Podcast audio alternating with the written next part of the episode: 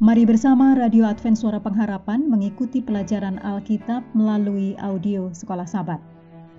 Shalom bagi semua sahabat pendengar. Kabar baik bahwa kisah dan kesaksian terkait siaran dan pelayanan AWR Indonesia kini dapat diikuti secara berkala, baik melalui siaran harian Radio Advent Suara Pengharapan setiap minggu kedua dan keempat, juga melalui YouTube dan Facebook AWR Indonesia.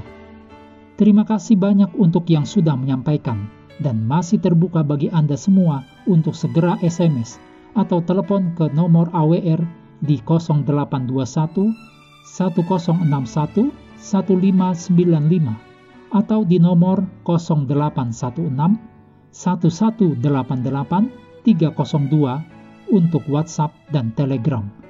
Kami tetap menunggu dukungan Anda. Selanjutnya kita masuk untuk pelajaran hari Minggu tanggal 10 Juli. Judulnya ke Tanah Perjanjian melalui Jalan Buntu. Mari kita mulai dengan doa singkat yang didasarkan dari Matius 6 ayat 13. Dan janganlah membawa kami ke dalam pencobaan, tetapi lepaskanlah kami daripada yang jahat, karena engkaulah yang empunya kerajaan, dan kuasa, dan kemuliaan, sampai selama-lamanya. Amin.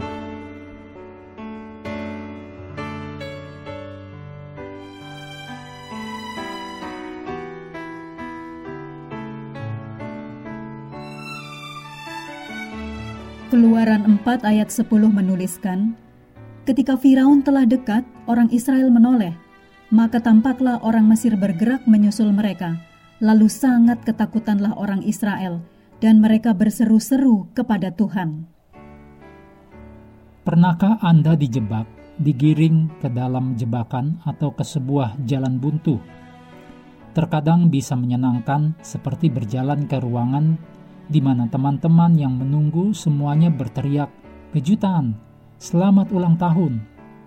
Di lain waktu, jebakan itu bisa sangat mengejutkan, bahkan sangat tidak menyenangkan.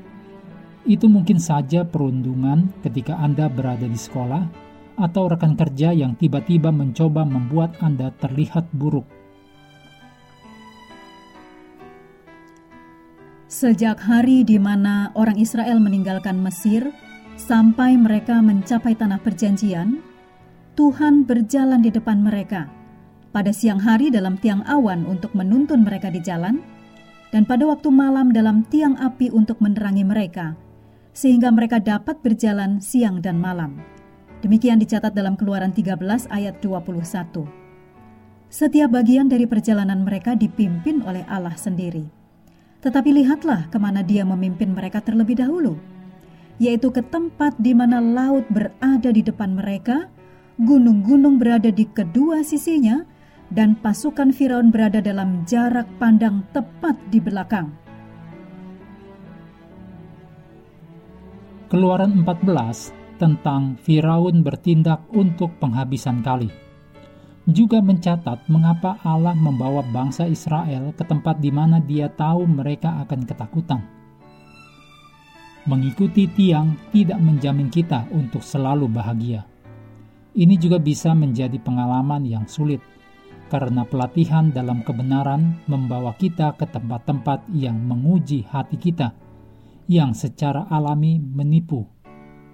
Demikian ditulis dalam Yeremia 17 ayat 9. Selama masa kesulitan ini, kunci untuk mengetahui kapan kita benar-benar mengikuti Allah adalah bukan berarti tidak ada pencobaan atau rasa sakit, tetapi lebih tepatnya suatu keterbukaan terhadap petunjuk Allah dan penyerahan yang terus-menerus dari pikiran dan hati kita kepada pimpinannya.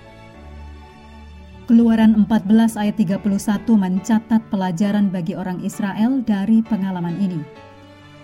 Ketika dilihat oleh orang Israel betapa besarnya perbuatan yang dilakukan Tuhan terhadap orang Mesir, maka takutlah bangsa itu kepada Tuhan, dan mereka percaya kepada Tuhan dan kepada Musa hambanya itu. Mengapa mempercayai Allah terkadang begitu sulit? Meskipun kita mungkin tahu banyak dari janji-janji indah yang Dia miliki untuk kita Ceritakan kembali beberapa situasi sulit yang Anda percaya Allah sedang menuntun Anda untuk mengajarkan Anda percaya dan takut kepadanya.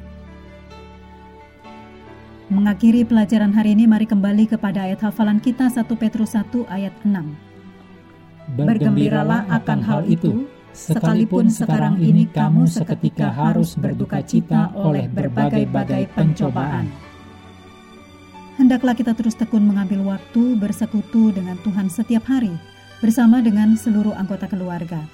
Baik melalui renungan harian, pelajaran sekolah sahabat, juga bacaan Alkitab sedunia percayalah kepada nabi-nabinya, yang untuk hari ini melanjutkan dari ulangan pasal 25. Tuhan memberkati kita semua.